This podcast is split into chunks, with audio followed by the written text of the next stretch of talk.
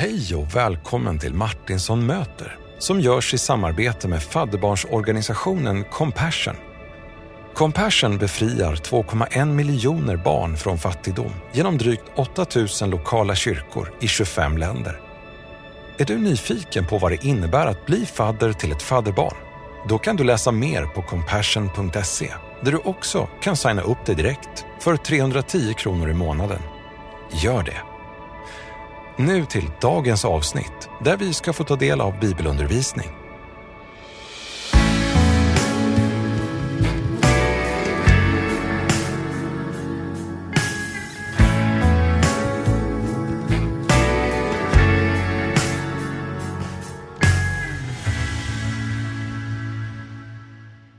Så, vänner, varmt välkomna tillbaka till Martinsson möter. Det är jag som är Martinsson och nu ska ni få möta Sakarias. Den gamle mannen som sjunger lovsång efter att ha varit stum i nio månader.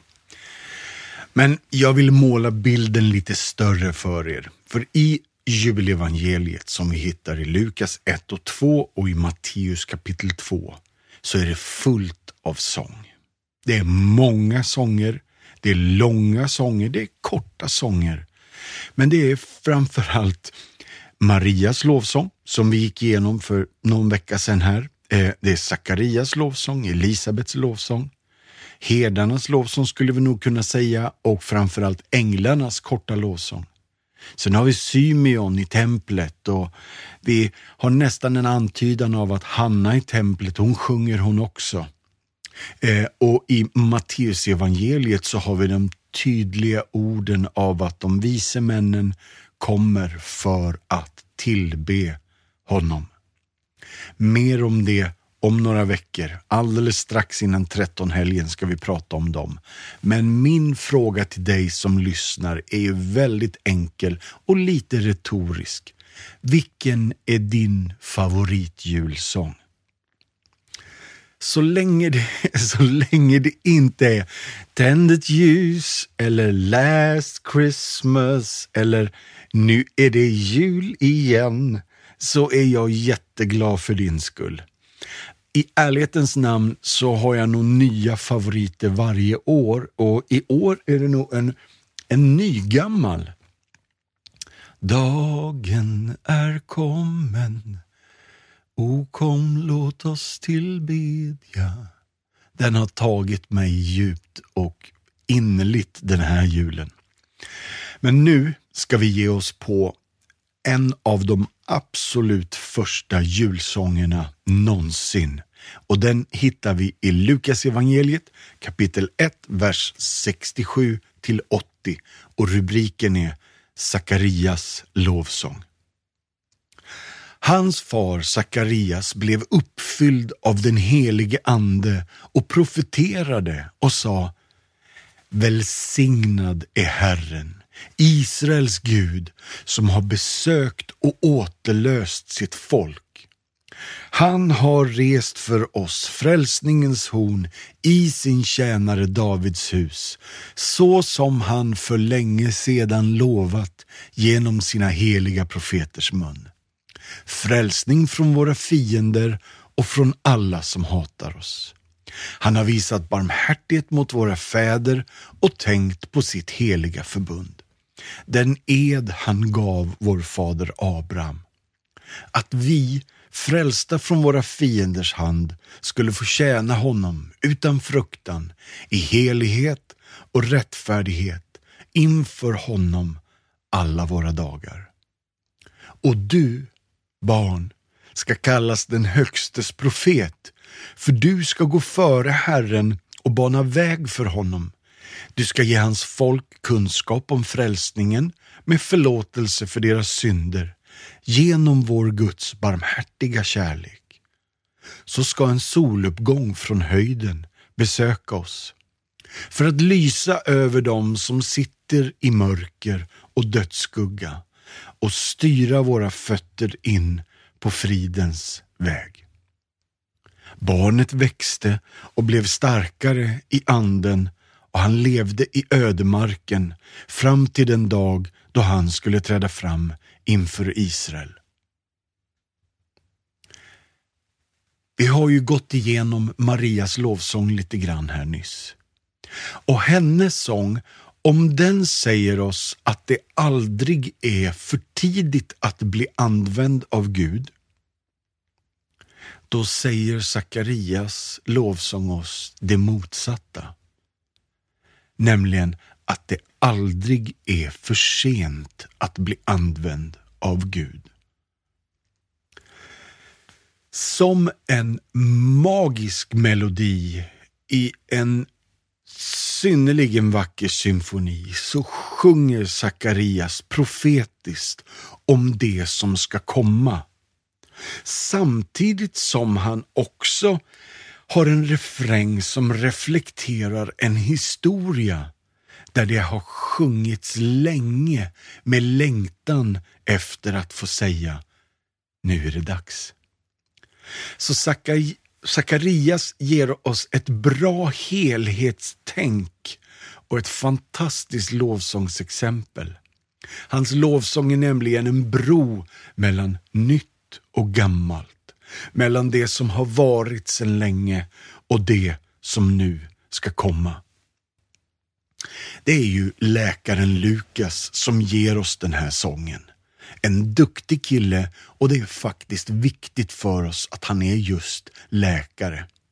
För läkare kan sånt här med hur barn blir till. För Lukas är det viktigt att dokumentera dessa mirakelfödslar.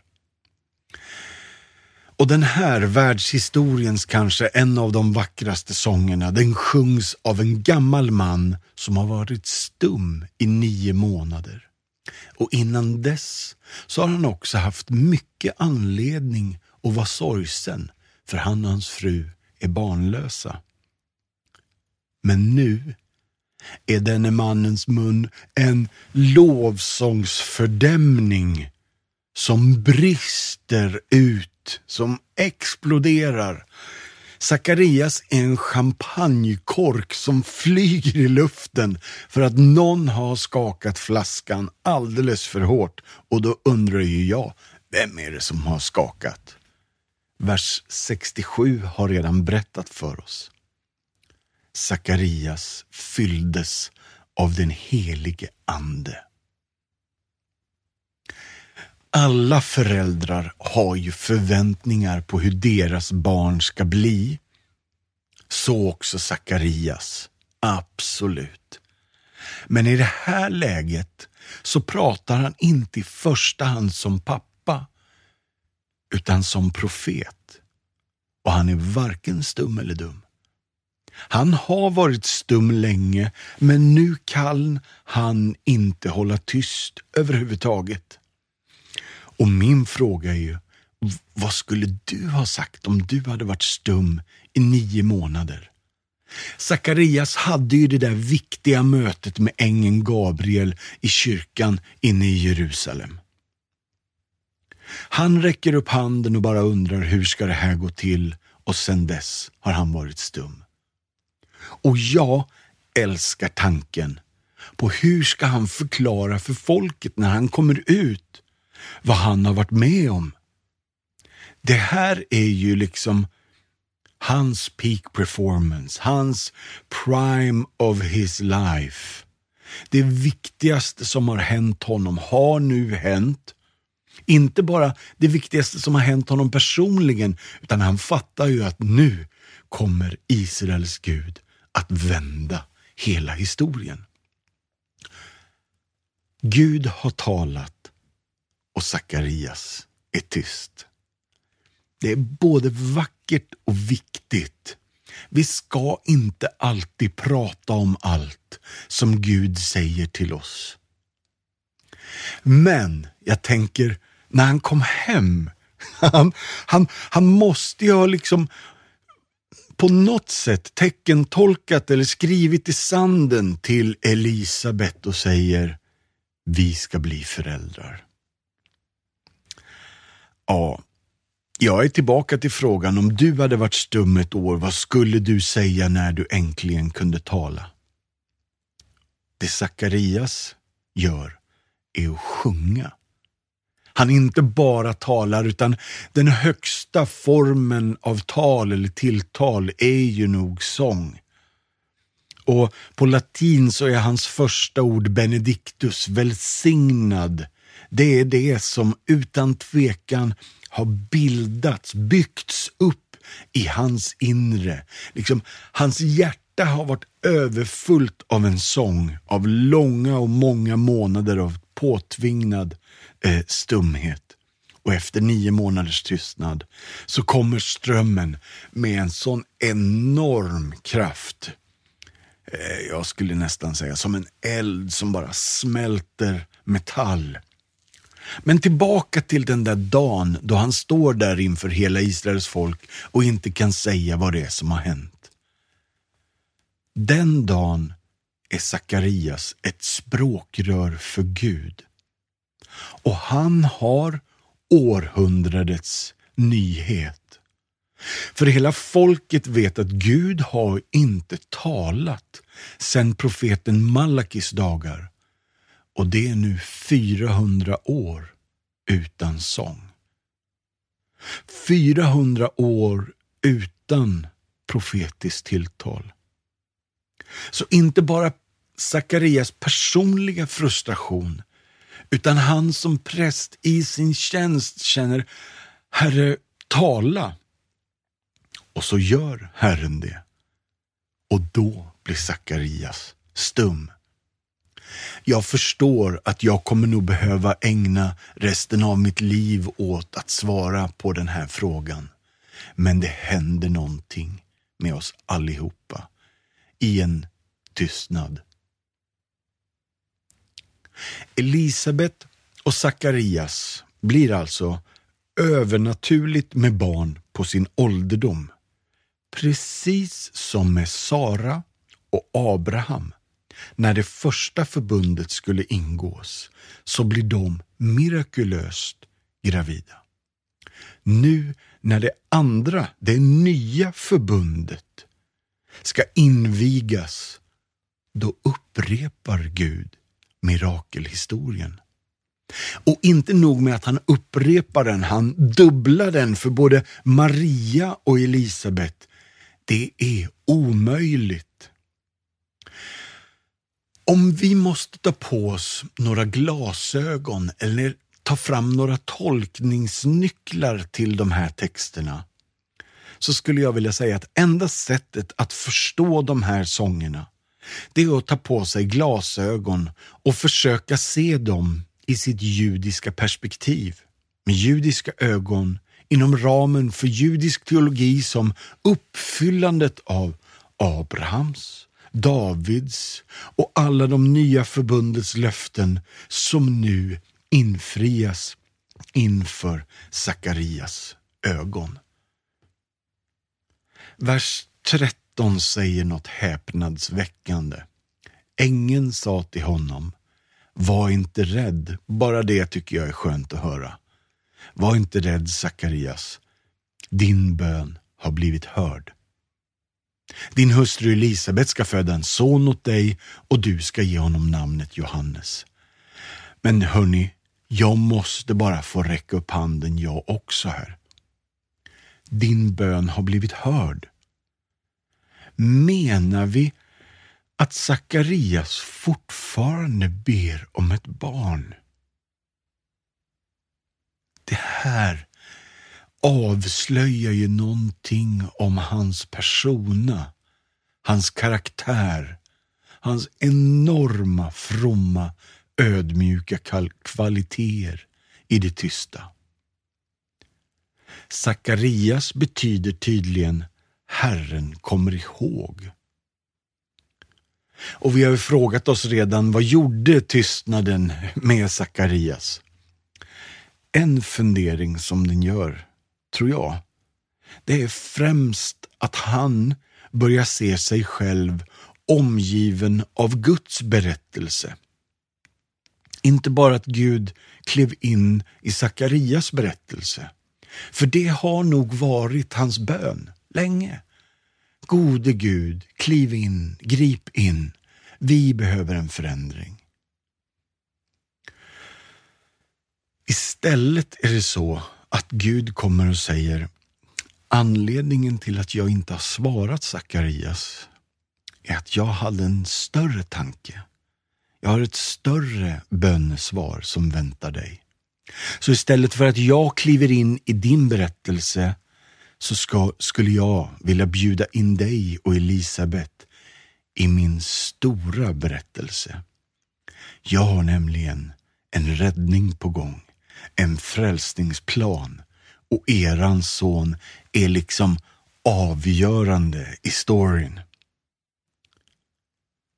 Vi ser på Sakarias bön att han var en man som visste vad han klarar av själv och så vet han när jag har nått min gräns, då får jag be om någon annans hjälp. Och då kan ju vi räcka upp handen och säga, ja, jag vill protestera för ingen kan riktigt förstå mig eller min situation, den är nämligen omöjlig. Min man kommer aldrig att förändras, säger någon, eller min fru kommer aldrig att lära sig, säger någon annan. Och vi kommer eh, aldrig att komma ur den här skuldfällan vi har hamnat i. Eller jag kommer aldrig bli frisk igen. Eller mina ofrälsta, kära och nära barn, eller vilka det nu kan vara, de kommer nog inte hitta tillbaka till tron och jag kommer aldrig trivas på det här jobbet. För Sakarias så är det mycket som är liksom för detta. Han är en nobody from nowhere. Han bor inte i Jerusalem. Han får inte regelbundet göra prästtjänst i stan, utan han har en tjänst ute i förorten lite grann. Och så kommer Gud till honom, till Elisabet, till Maria och så säger Guds ord. Ty för Gud är ingenting omöjligt.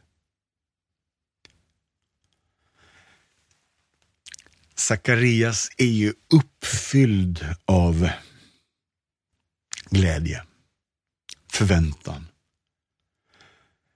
Infriandet av löftena börjar närma sig. Och det går inte att bara förmedla sin känsla med vanliga ord. Han bubblar över i en sång. Nu då. Det är några år sedan som jag översatte en text som jag tycker är lite kul och jag tycker också att den är ganska viktig. För den målar en skön bild av den här situationen som vi har pratat om nu. Det här är bara hittepå, men jag har översatt ett julbrev som Sakarias kan ha skickat till sin lilla familj. Kära alla ni som brukar få julbrev från oss. Vi har ju under en lång tid inte haft så mycket nytt att säga i våra brev, men i år är det verkligen annorlunda. Det här året har varit det galnaste av år. Elisabet gick i pension förra hösten, det skrev jag ju om i förra julbrevet. Nästan samtidigt så vann jag för första gången prästutlottningen att få tjänstgöra i det stora templet Jerusalem. Som ni vet så är ju det här en once in a lifetime händelse och ett hedersamt uppdrag för mig som präst. Och som om inte det vore nog så dyker det då upp en, och nu skojar jag inte, en livslevande ängel som heter Gabriel, sänd från Gud med bud. Han hade bud till Elisabet och mig. Till oss. Och han sa att vi skulle bli gravida i år. Döm om min förvåning. Jag är ju till åren och Elisabet är ingen vårkyckling hon heller. Jag hade själv mycket svårt att tro allt detta trots att jag har bett om just det här i många år. Jag blev inte bara stum av förundran utan stum på riktigt. Elisabet är dock jättetacksam för bebisen i magen och för min totala tystnad. Hon bestämmer allt hemma nu. Mot alla odds så blev vi alltså äntligen gravida. Vi har inte gjort något ultraljud men det kommer att bli en pojke och han ska heta Johannes.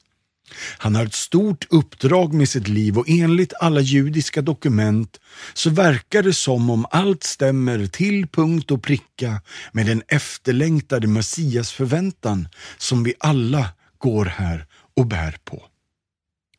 En nära släkting till Elisabet kommer över till oss i helgerna och om vi förstår allting rätt så är hennes graviditet än mer spektakulär än vår. Det här betyder, mina vänner, att vi går rakt in i den epokavgörande historiska tiden då Gud gör allt det omöjliga möjligt och allting blir nytt.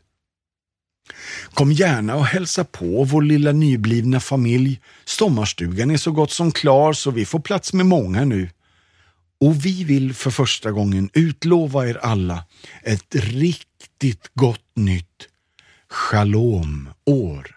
Och även säga välsignad jul till hela släkten. PS. Ifrågasätt aldrig en ängel. DS. Vers 67. Sakarias fylldes av helige ande och talade profetiskt. Det är ju ett kort intro, men det är fullproppat med både djup och mening. Sakarias talar inte bara som en stolt far till en nyfödd son. Han talar som en av de gamla profeterna som talar med Guds auktoritet genom inspirationen av den helige Ande. Han är inte bara en gammal pappa med en nyfödd unge. Han är profet och han känner av hur de seismologiska, andliga plattorna skiftar kraftigt medan han samtidigt försöker hålla sin mirakelbaby i armarna. Det här har aldrig hänt förut och det kräver något nytt, känner Sakarias. Han tänker efter en stund och sen bubblar det bara ur honom. Sången. Vi ser på hans lovsång att han var en man av Guds ord. Det fullständigt flyger ur honom efter nio tysta månader. Sakarias sång, den tar vid där Marias slutade. Men, men egentligen så är det bara mer av samma sak. Det är samma låt, det är andra versen, samma tema, liknande idéer och relaterade ord. Båda versarna fokuserar på det största temat som någonsin har hittats. Båda fokuserar på Jesus Kristus som hela världens frälsare.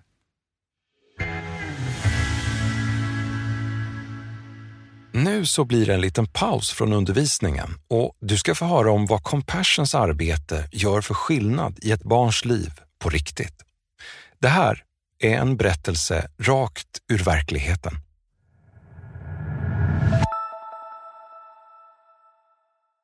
Vi tar nu en liten paus ifrån bibelstudiet och så vill jag berätta om min nya vän Julien.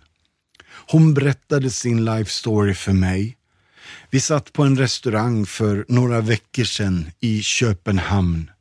Jag hade svårt att hålla borta tårarna och jag hade svårt att hålla uppe hakan därför att hennes berättelse är synnerligen dramatisk.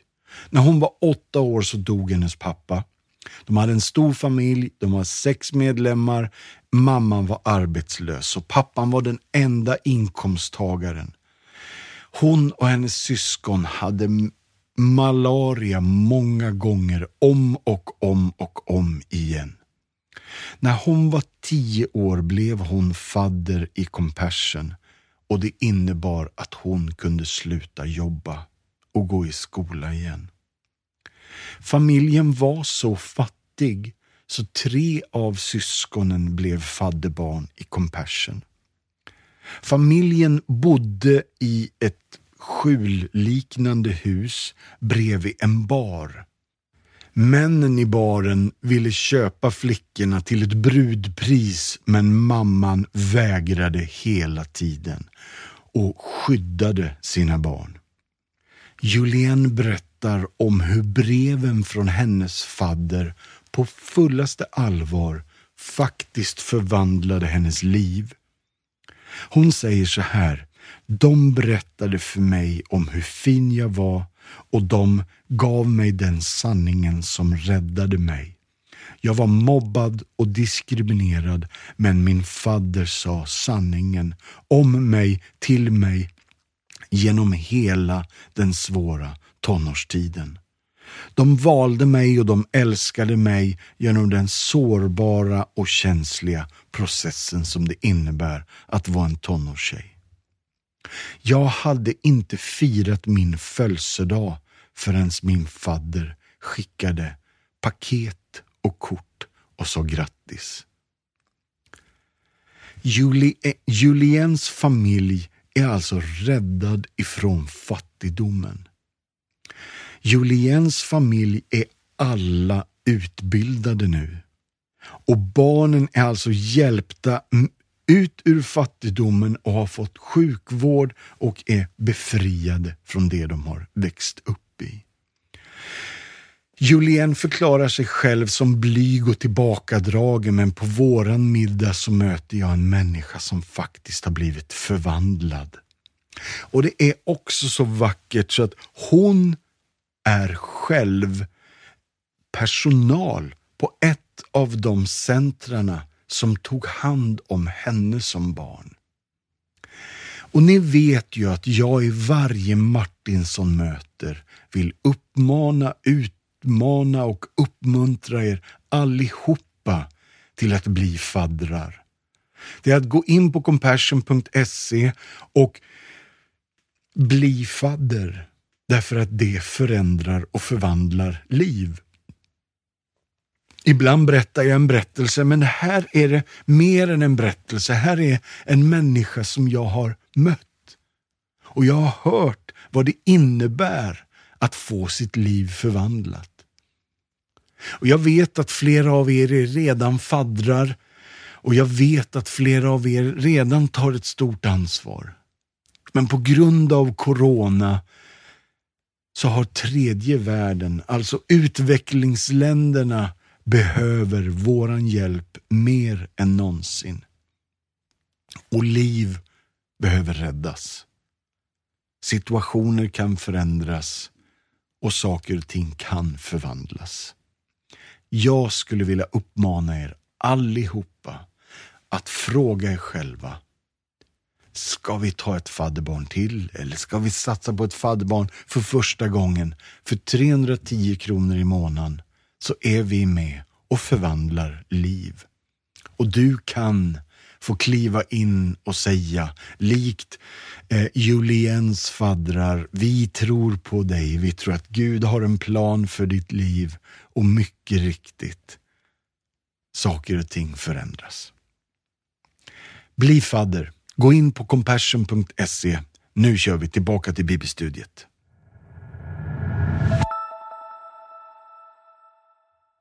Sången kommer från ett öppet hjärta. Sången kommer från ett fritt sinne. Och sången kommer från en förnyad själ. Fyra punkter om Sakarias lovsång. Sakarias lovsång handlar om att priset för vår befrielse är beställt av Fadern, betalat av Sonen och välsignat av Anden. Vi har redan läst verserna som säger Välsignade Herren Israels Gud som har besökt och återlöst sitt folk. Det var vers 68. Lyssna på vers 78 här då. Så ska en soluppgång från höjden besöka oss. Hör du att det här är som en hamburgare och det finns ett lock och det finns en botten. Det finns någonting som omringar de här orden. Någonting som hjälper och sammanhåller hela hans lovsång. Och det är att Gud besöker. Gud kommer på besök. Kommer ni ihåg Gevalia-reklamen när du får oväntat besök? Jag tror att de hittade inspiration i Sakarias lovsång. Gud har besökt oss och han betonar att hans omsorg om oss har fått honom att närma sig oss. Och anledningen till att han kommer, det är för att frälsa oss. Vilket är en räddning till ett högt pris. Han har kommit till en enorm kostnad för sig själv. Och han är här för att befria oss från syndens slaveri. Punkt nummer två.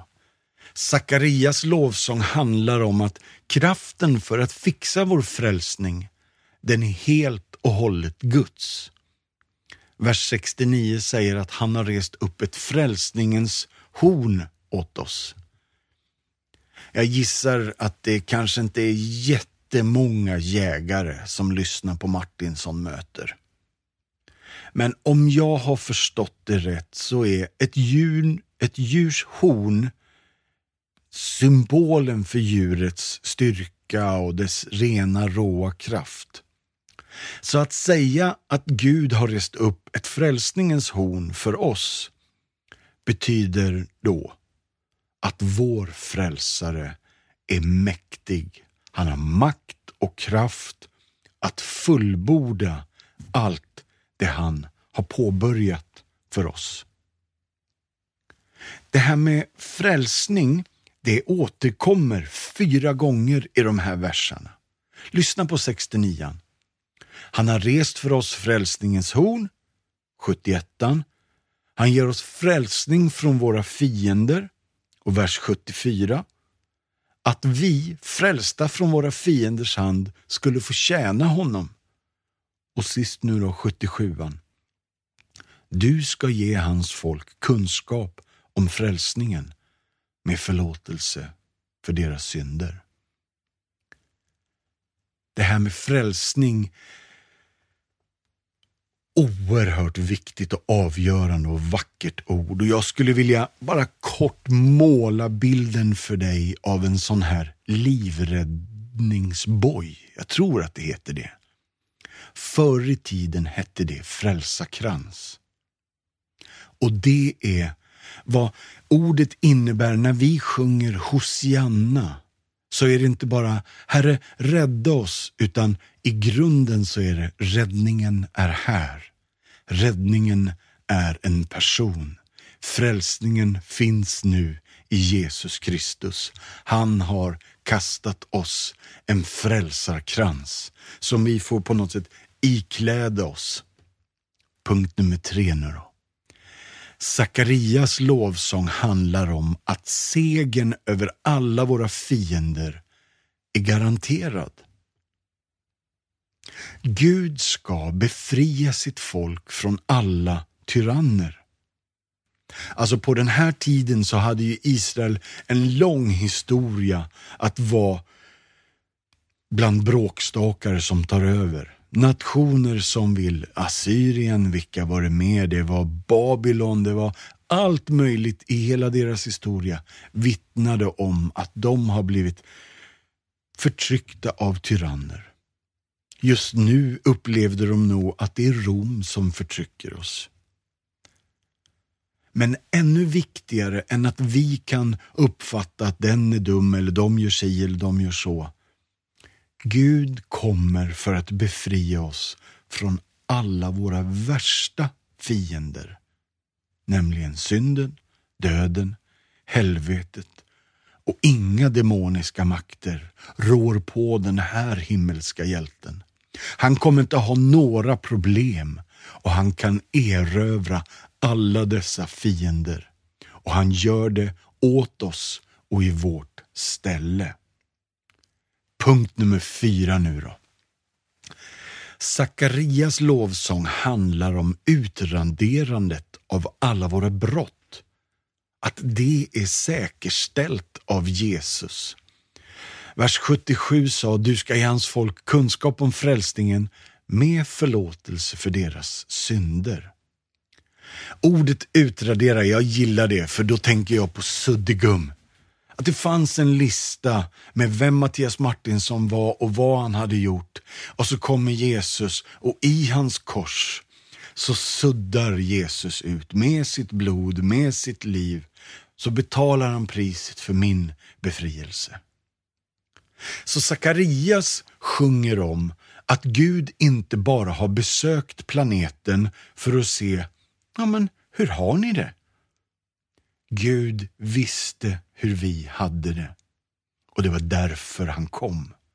Så vi hade problem och han kom för att rädda oss. Och det är vad julen handlar om. Sakarias sjunger som aldrig förr. Ni vet när man är på konsert och konserten har varit två och en halv timme lång och det har varit extra nummer på extra nummer och sen kommer mitten och hela arenan jublar. Alla sjunger med. Där är Sakarias nu. Så han avslutar med vers 78 och 79 och det är så otroligt vacker poesi här. Genom vår Guds barmhärtiga kärlek så ska en soluppgång från höjden besöka oss för att lysa över dem som sitter i mörker och dödsskugga och styra våra fötter in på fridens väg. Då är det på något sätt en sammanfattning som Sakarias kommer fram till. Hur ska allt det här ske? Han ger tre svar på det. Det himmelska ljusets gryning, början på ett, det nya livet med hopp och vägledning till en vacker framtid. Det himmelska ljusets gryning, början på det nya livet med hopp och vägledning till en vacker framtid. Det här är inte bara poetiskt vackert utan viktigt, så nu liksom nu är det dubbelrefrängen på slutet och Zacharias har gjort en höjning och det är nästan liksom melodifestivalstämning på allt det här. Så hur ska allt det här ske? Vers 48 säger, nej inte vers 48, men ska vi se, vers 78 så ska en soluppgång från höjden besöka oss. Vi har ju redan läst och pratat lite grann om själva besöket, men en soluppgång från höjden. Alltså, sol, solen kommer ju från horisonten. Lyssna nu på Per-Axel Sverker. Detta nya ljus kommer alltså inte från horisonten som det brukar. Ljuset kommer så att säga lodrätt till oss. Ljuset lyser från höjden. Ljuset, ljuset kommer lodrätt ovanifrån. Det kommer från en helt annan dimension. Slutcitat Per Axel Sverker. Här är hoppet. Att den soluppgången, alltså det himmelska ljusets gryning, det är inte en vanlig vacker soluppgång utan det här är en helt ny era som inleds när Guds rike kommer och blir synligt i Sonen. Och sen är det början på det nya livet med hopp. För att lysa över dem som sitter i mörker och dödsskugga, säger vers 79a. Hör ni här? Det här är ett direkt citat av Jesaja 9. Det är folk som vandrar i mörkret ska se ett stort ljus. Det är folk som sitter i dödsskuggans land. Vi har tidigare samtalat om det här med dödsskuggans land. Och vi har tidigare också refererat till fåren och herden i psalm 23 som vandrar igenom dödsskuggans dal. Och nu kommer Sakarias och säger till oss Sitt inte kvar i mörkret. Låt inte dödens skugga liksom skapa långa skrämselskuggor i i eller över ditt liv. Utan låt sonen lysa på dig. Det är den början på det nya livet med hopp. Och sen den sista versen tycker jag också är viktig. där han vill styra våra fötter in på fridens väg. Sonen, alltså Jesus Kristus, Guds son, ger oss vägledning till en vacker framtid. Och jag tänker mig Sakarias ord lite likt de vise männens karavan som sakta kommer och rör sig genom Mellanösternöken på nätterna och på dagarna. Och på något sätt så tappar karavanen sin väg en natt och upplever sig vilsen i mörkret.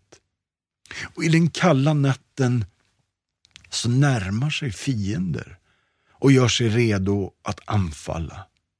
Döden är inte långt bort.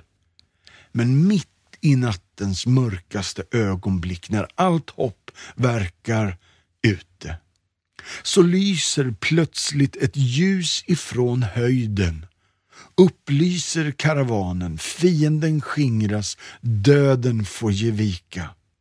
Och i det starka ljuset så ser karavanledaren vägen, den som var förlorad, det är återfunnet.